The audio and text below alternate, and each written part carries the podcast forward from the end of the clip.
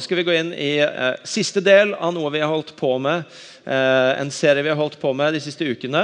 Jeg skal først få se introen, og så har vi hatt noen trofaste følgesvenner gjennom disse ukene som har delt sin visdom rundt det å gi. Eh, og Dere skal få møte de òg før vi går inn i noen bibeltekster.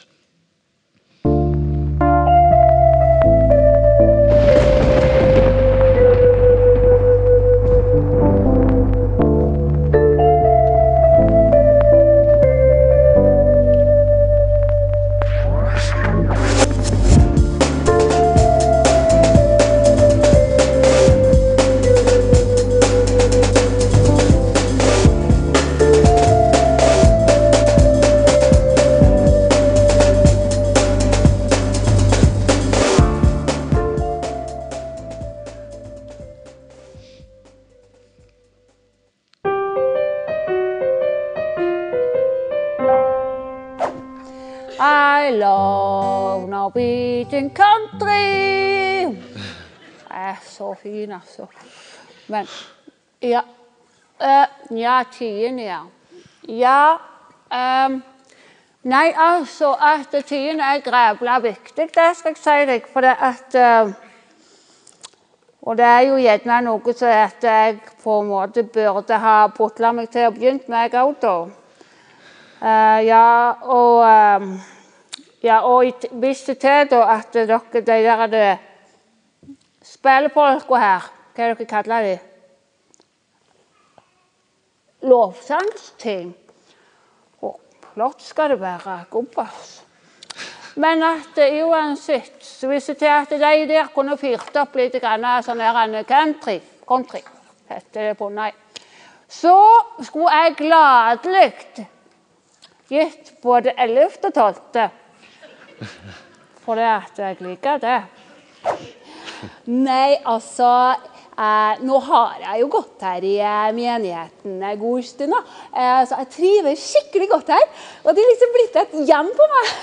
Og her har jeg menighetsfamilien min, og jeg får god næring og, og oppmuntring og alt jeg ønsker meg. Og klart jeg investerer i dette.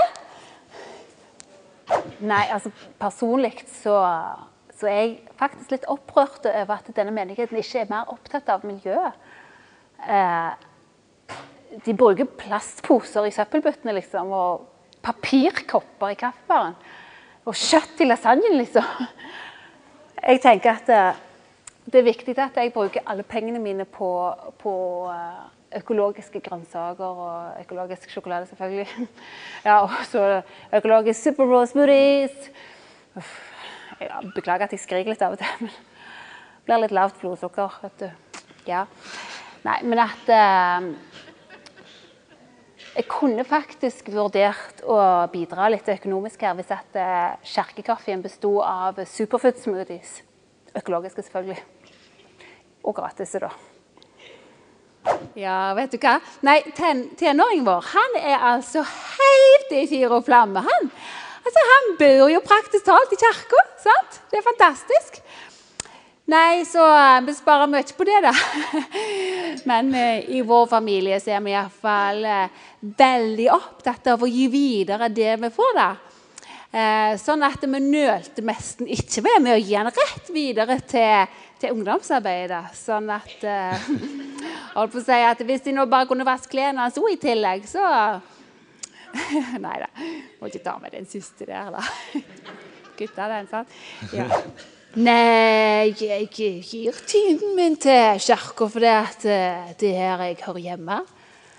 Altså um, Nei, for meg er det enkelt. Bor du, så bidrar du. Når uh, alle kommer med sitt, så blir det nok til alle.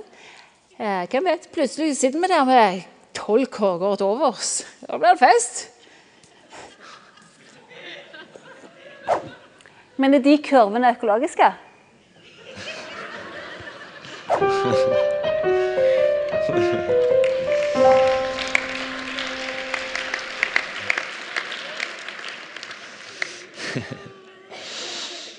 Det er fascinerende når vi snakker om penger, om det å gi og givertjeneste, så eh, kan det lett bli litt sånn eh, dragkamp mellom eh, behov her og behov der. og Hadde det bare vært sånn, så skulle jeg gitt litt mer. og sånn.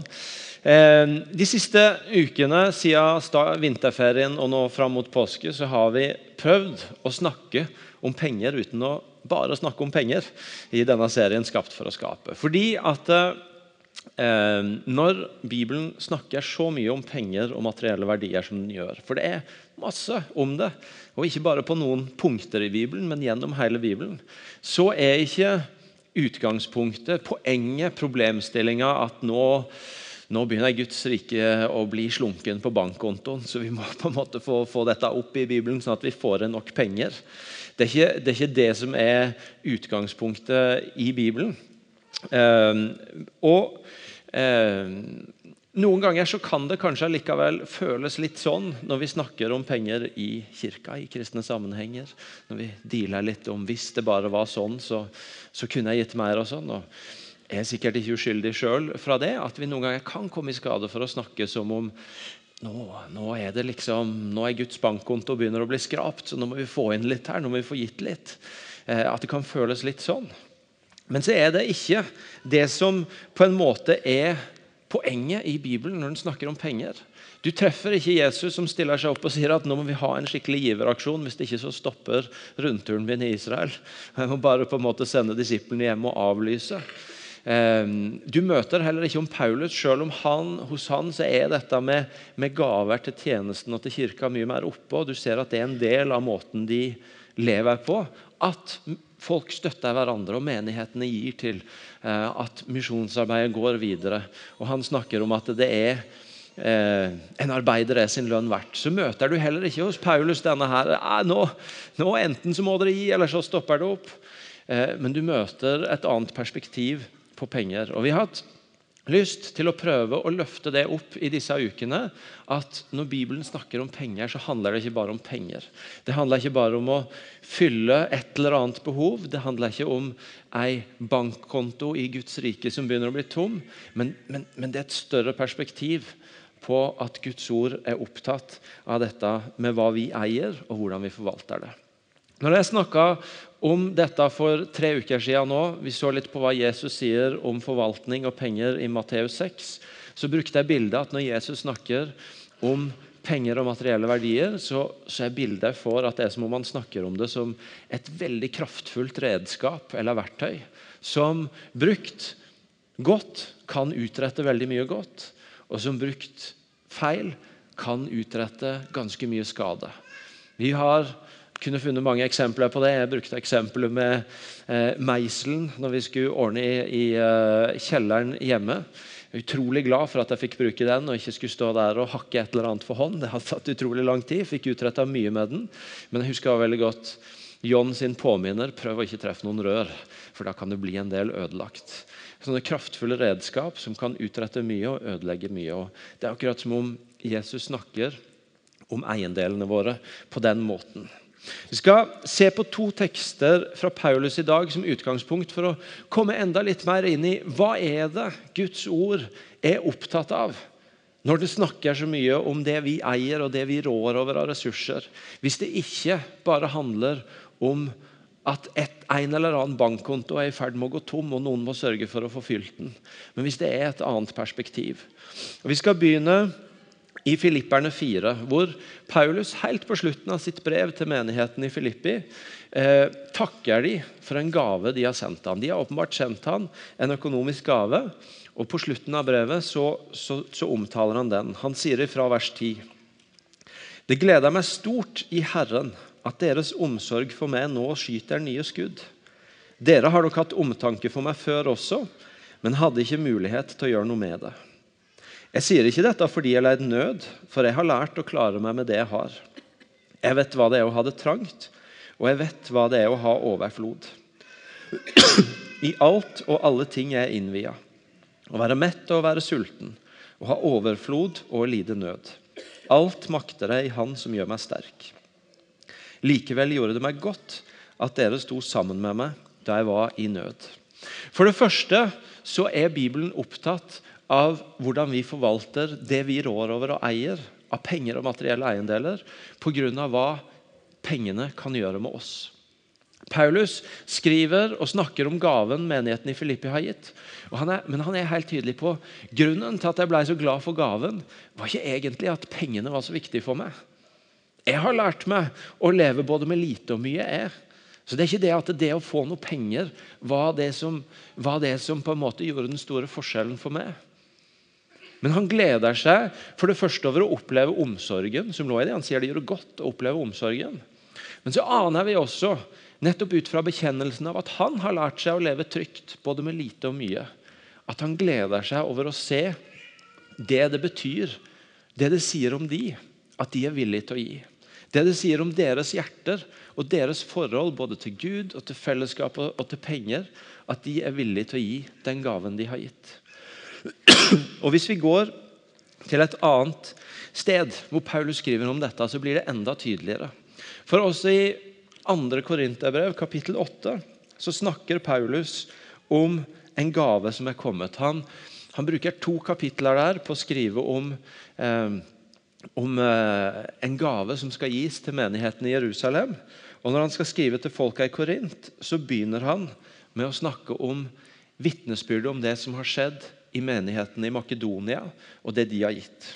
Og Han skriver for i sin nød ble de hardt prøvet, men deres overstrømmende glede og dype fattigdom har gjort dem rike og villige til å gi. De ga etter evne, ja, over evne, og frivillig, det kan jeg bevitne. De ba inntrengende om å få bli med på gaven og tjene de hellige sammen med oss. Og de ga ikke bare slik vi håpte, men de ga seg sjøl, først til Herren og så til oss, slik Gud vil det. Hør på denne setninga her. Jeg hadde ikke lagt merke til den før jeg forberedte meg denne uka. Vers 2. Deres overstrømmende glede og dype fattigdom har gjort de rike. Deres dype fattigdom har gjort de rike. Det kan vel omtrent bare skje i Guds rike. Og vilje til å gi.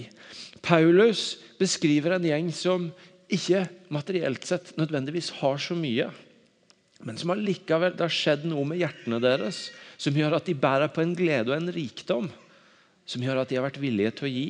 Og de står at de har vært villige til å gi mer enn en kunne forventa. Og konklusjonen på det blir at de ga seg sjøl. De ga ikke bare slik vi håpa, men de ga seg sjøl. Først til Herren, og så til oss. Slik Gud vil det. Det å gi, måten vi forvalter det vi rår over på, det handler ikke bare om pengene som blir gitt, og om mottakeren de får, men det handler om våre hjerter. Om hva det sier om, om, om, om våre hjerter, om vårt forhold til Gud, om vårt forhold til andre. Om vår sjenerøsitet eller mangel på det. Jesus sier i Matteus 6 at der skatten din er, vil hjertet ditt være. Han er tydelig på at det er en sammenheng mellom hvor vi putter ressursene våre, og hvor vi plasserer hjertet vårt. Og For Gud så er det ikke så utrolig viktig med pengene våre, for bankkontoen hans er ikke tom. Men han vet noe om at måten vi forvalter det vi eier og rår over, ofte sier noe om hva som foregår i hjertene våre. Det er en som heter Basil Pennington, som har sagt dette her. Det faktum at ingenting av det vi gjør det er ingenting av det vi gjør som ikke Gud kunne ha reist opp en stein ute på marka til å gjøre for han. Det er bare én ting som vi alene kan gi til Gud. Og det er den ene tingen som han skapte oss for, og som gir oss uendelig verdi, eh, eh, viktighet og verdi. Og den ene tingen er vår personlige kjærlighet. Ingen andre kan gi Gud vår personlige kjærlighet. Gud er først og fremst ute etter hjertet vårt. Det eneste unike vi kan gi, som han ikke kan få tak i på andre måter, det er vår kjærlighet til han det er hjertet vårt. Men Gud ser at én, ikke den eneste det er, ikke, det er, ikke, sånn at bare du vet hva du gjør med pengene dine, vet hva du gjør med pengene dine, så vet en alt om hva som skjer i hjertet ditt. Men en av de tingene som kan si ganske mye om det, og som Gud ser at har eh, betydning for hvordan vi forvalter hjertet vårt, det er hvordan vi forvalter eiendelene våre. Han ser at en livsposisjon hvor vi blir så opptatt av dette er mitt, og jeg skal klare meg sjøl og jeg skal passe på mitt og, og, og, holde inne, veldig lett blir en livsstil hvor også hjertet vårt lukkes. Og han veit at en livsstil hvor det er en holdning av å ville gi ut, av å leve raust og sjenerøst, ofte er et kjennetegn på et hjerte som er åpent for det han vil gi, og for å leve under hans forsørgelse istedenfor å klare seg sjøl. Og et hjerte som er villig til å gi sin kjærlighet både til han og til andre. De ga ikke bare slik vi håpa, men de ga seg sjøl. Først til Herren, og så til oss, slik Gud vil det. Bibelen snakker om penger pga. hva pengene kan gjøre med oss.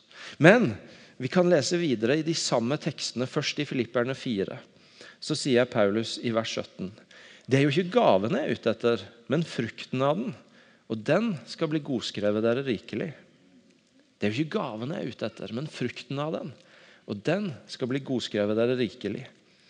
Og Til, til menigheten i Korint så sier han eh, i kapittel 9, vers 8. Og Gud makter å gi dere all sin gave i rikt mål, så dere alltid og under alle forhold har nok av alt. Jeg har overflod til all god gjerning. Bibelen er også opptatt av penger pga. hva vi kan gjøre med pengene. Nemlig at måten vi forvalter ressursene våre på, kan sette oss i kontakt med at vi var skapt med en hensikt. Skapt å bety en forskjell. Skapt sånn at det vi rår over, kan være med på å ha betydning innenfor andres liv. Det er jo ikke gaven jeg er opptatt av, men frukten den skaper. Han gir dere sånn at dere skal ha nok, ja mer enn nok, til all god gjerning som dere er skapt til. Han er opptatt av å snakke om hvordan vi forvalter det vi har, fordi, på grunn av hva det gjør med oss, men også på grunn av hva vi kan gjøre med det. Det kan være med å bære frukt. Det er gitt for å ha til all god gjerning, for å bety en forskjell, for å bli satt i sammenheng med hensikten vi er her for, nemlig at vi er skapt for å skape. Og Paulus er opptatt av å si noe om det. Noen konsekvenser det har for hvordan vi kan tenke om det å forvalte, det å eie noe, det å gi ut, i et bibelsk perspektiv. Hvis Gud er ute etter hjertet vårt, og, og, det påvirkes av hvordan vi forvalter og Hvis Gud ønsker å sette oss i posisjon for å være skapt for å skape, for å bety en forskjell, og det uttrykkes i forvaltning Noen ting som Bibelen da forteller oss om hva det har å si. Og Det første jeg har lyst til å si, er at det blir veldig tydelig i et bibelsk perspektiv at det handler ikke om mengden. Det handler ikke om hvor mye eller lite du rår over, og hvor mye eller lite du har å gi. Det er denne fantastiske teksten i Markus 12, hvor Jesus gjør det som det skulle tatt seg ut om jeg eller noen andre på teamet her gjorde, nemlig setter seg og kikker i kollektkorva på hva folk gir. Jeg gjør jo et nummer ut av hver gang vi snakker om dette, og presiserer at jeg ikke vet hva dere gir. Det er det bare økonomifolka våre som gjør. Eh, og jeg tror fortsatt det er lurt, selv om akkurat i dette tilfellet er jeg ikke helt lik Jesus. Eh, eller eh, det ble helt feil. Det er ganske mange andre tilfeller òg jeg ikke er helt lik Jesus. Oi. Det er bare å notere og bruke det mot meg i en sammenheng. Eh, Jesus satte seg rett over for tempelkista, og han så på hvordan folk la penger i den. Mange rike ga mye. Men det kom også en fattig enke og la i to småmynter, hvert noen få øre. Da kalte han disiplene til seg og sa, Sannelig, jeg sier dere, denne fattige enka har gitt mer enn noen av de andre som la penger i tempelkisten. For de ga alle av sin overflod, men hun ga av sin fattigdom alt hun eide, alt hun hadde og levde av. Mange rike ga mye, og poenget til Jesus er selvfølgelig ikke at det var dårlige gaver eller at de ikke betydde noe, men allikevel så sier han at denne kvinna som ga bare to små mynter, hun ga likevel enda mer. For hun ga av sin fattigdom, hun ga alt hun eide. Det blir så tydelig at poenget er ikke om du har mye eller lite.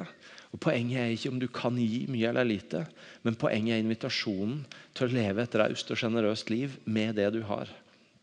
Jeg husker når jeg var 10-11 år og gikk til mammaen min og spurte om det var tid for at jeg kunne begynne å få ukepenger. Jeg tror jeg har fortalt dette her før, så noen av dere vet det. men Dealen blei ok, du støvsuger én gang i uka, du tømmer oppvaskmaskinen hver gang den er kjørt, og så får du 25 kroner i uka. Men en, en forutsetning inne. 10 av det du gir, 2,50 i uka, det går på misjonsbøssa.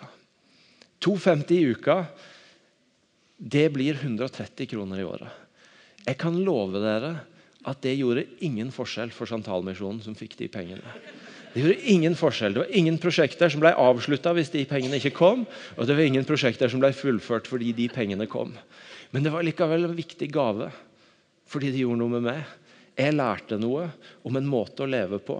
Jeg lærte noe om en måte å tenke om det jeg tjente og eide på, som jeg kunne ta med meg videre inn i livet etter hvert som jeg har fått mer penger å rå over.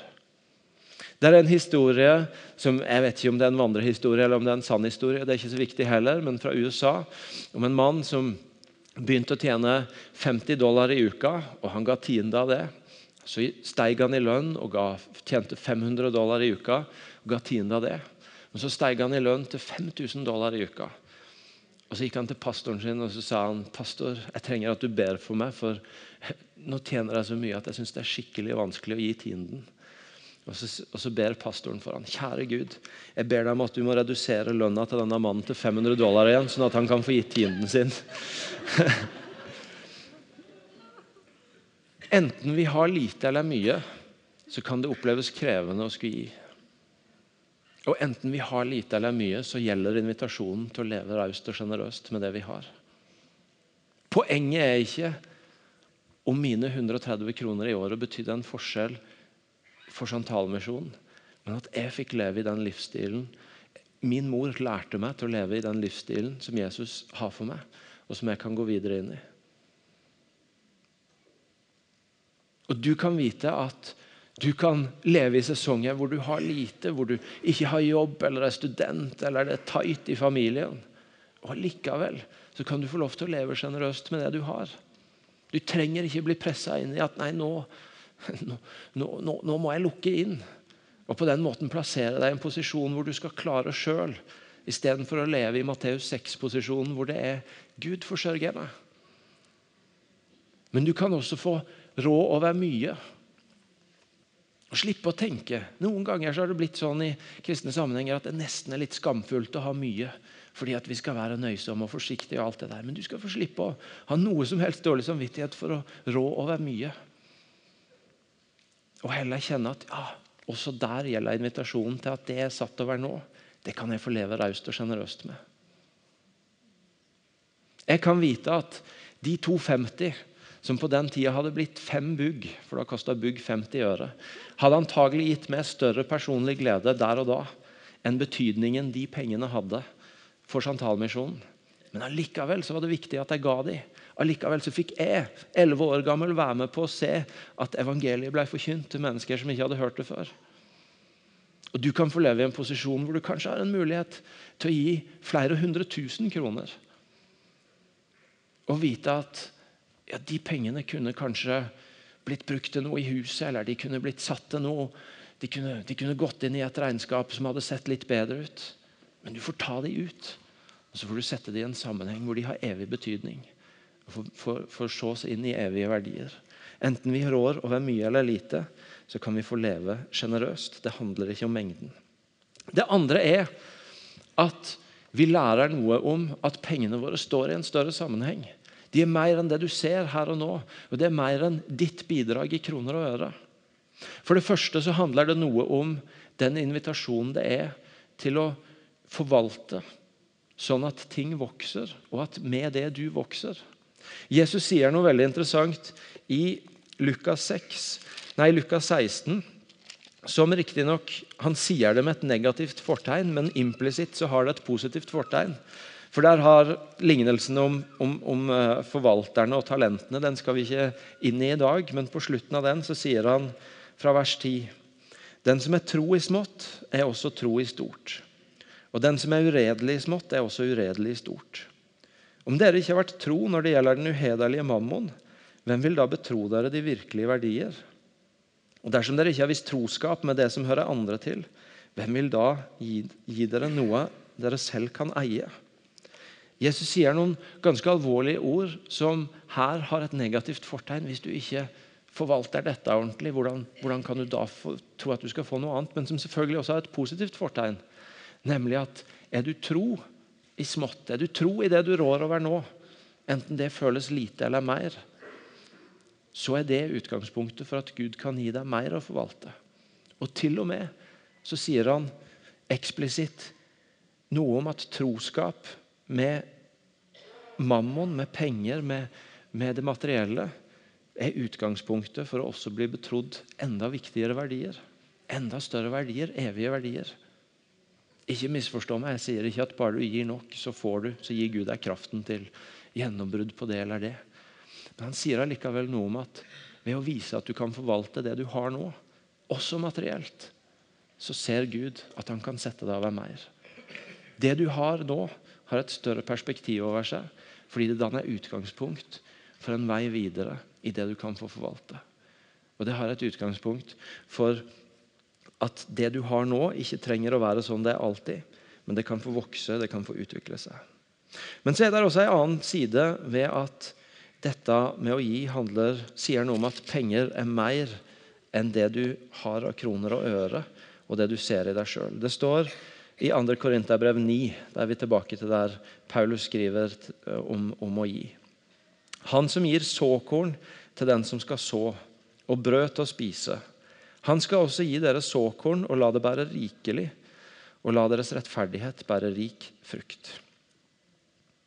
Han som gir såkorn eh, til den som skal så, og brød til å spise, han skal også gi dere såkorn og la det bære rikelig, og la deres rettferdighet bære rik frukt.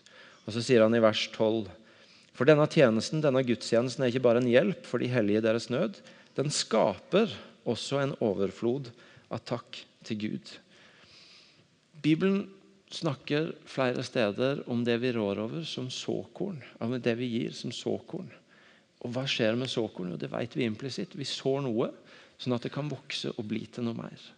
Det er også perspektivet over det vi gir. det at det, det, kobler oss på en sammenheng hvor det er mer enn mitt bidrag, men jeg blir tatt inn i en sammenheng hvor det jeg får gi, gir, får være en del av frukt som bæres i Guds rike.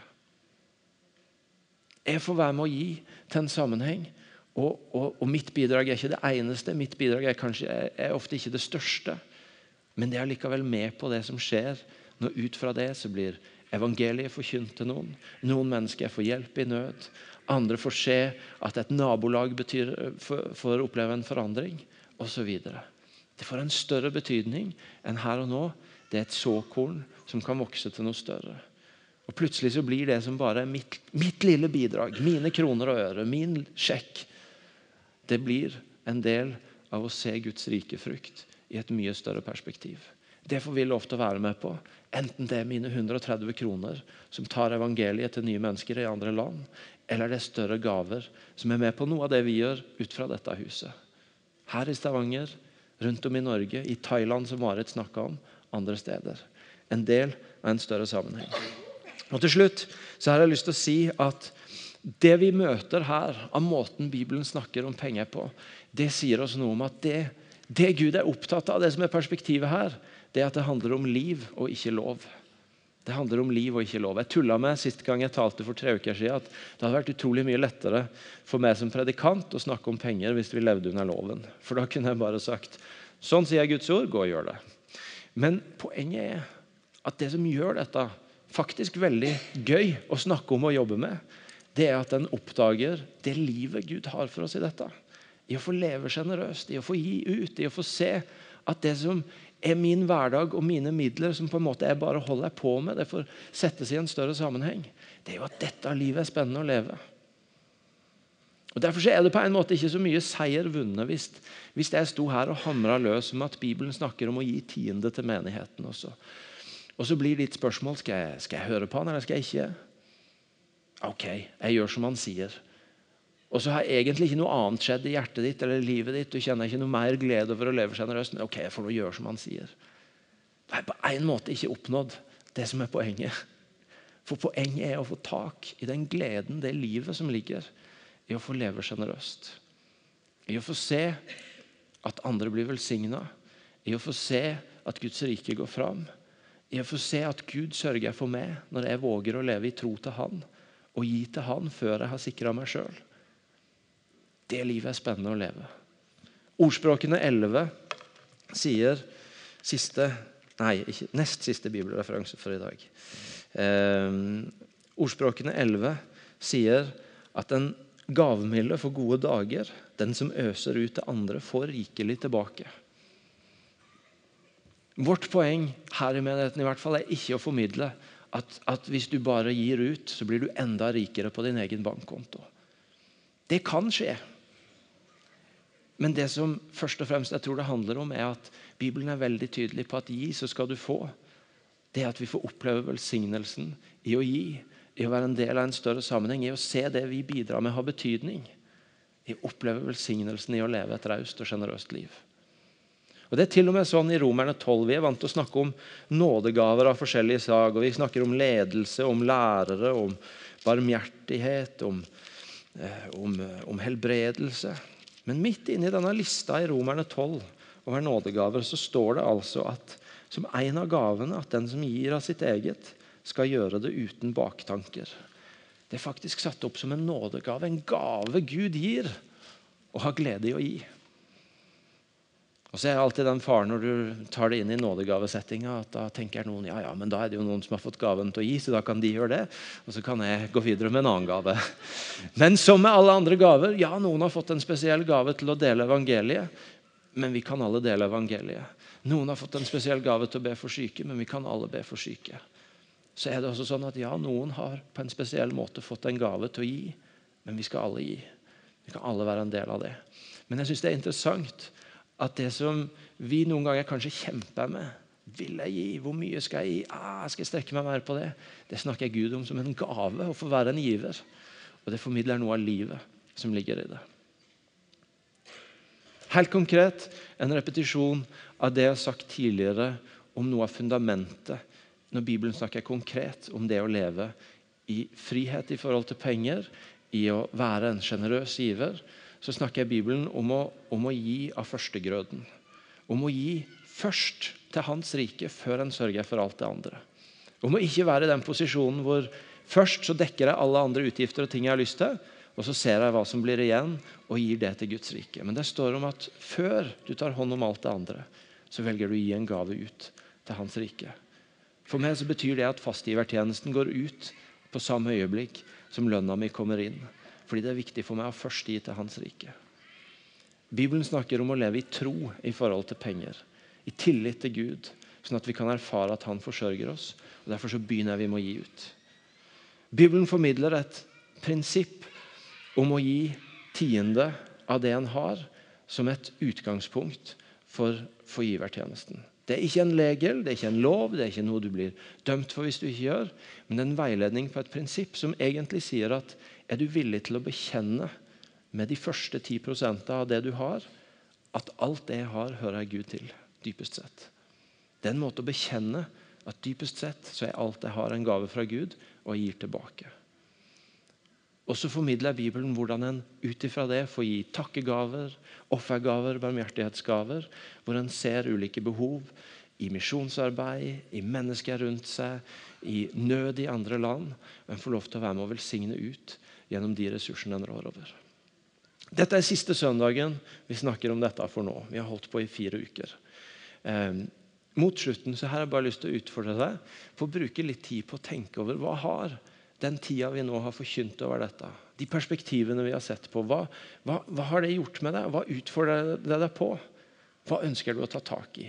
Mer enn bare givertjenesten, selv om jeg skal si noe kort om den nå. Jeg vet at For min del så har det å jobbe med dette utfordra meg på noen ting i min forvaltning hvor jeg har tenkt ah, her er det greit nok, men jeg har ikke lyst til at det skal være greit nok. Jeg har lyst til å sette meg ned og gå ordentlig gjennom det. Så I min kalender så står det en avtale med meg sjøl et lite stykke fram når jeg har kommet gjennom den uka som ligger foran. At jeg skal bare sette meg ned og gå gjennom forvaltninga mi på noen ting. fordi dette har utfordra meg på hvordan jeg rår over mine ressurser. Hva har du blitt utfordra på? Er det noe du ønsker å gå gjennom i din forvaltning? Er det noen rundt deg du har blitt minnet om å vise en annen raushet overfor? Mennesker som du vet at du egentlig kan stille opp for, men du av ulike grunner holder igjen. Kanskje trenger å åpne hjertet for. Er det andre ting? Bruk litt tid på det. Og Det andre er at også denne gangen og for siste gang på en stund så har du fått denne slippen på, på stolen din, og den gjelder for du som er en del av menigheten vår. Jeg har sagt det underviser om, om tienden som et utgangspunkt og givertjenesten til menigheten som et utgangspunkt for dette livet i sjenerøsitet, dette livet hvor vi er skapt å skape. Og Dere har respondert Masse så langt. Så langt er det kommet løfter på nesten 700 000 kroner i året. Tusen takk for det. Det er vi veldig takknemlige for. Og så har dere en sjanse, hvis du ennå ikke har kommet dit, men ønsker å la deg utfordre av dette og ønsker å handle på dette, til å fylle ut slippen. Og så står kassa bak der, så du kan legge den i ved miksepulten etterpå. Eller du kan sende den inn til oss når du har fått tid til å tenke deg om. Yes. Gud er opptatt av å snakke om penger fordi han er opptatt av hva det gjør med oss. Og han er opptatt av hva vi kan gjøre og utrette og være en del av med det. Skal vi reise oss opp og be sammen?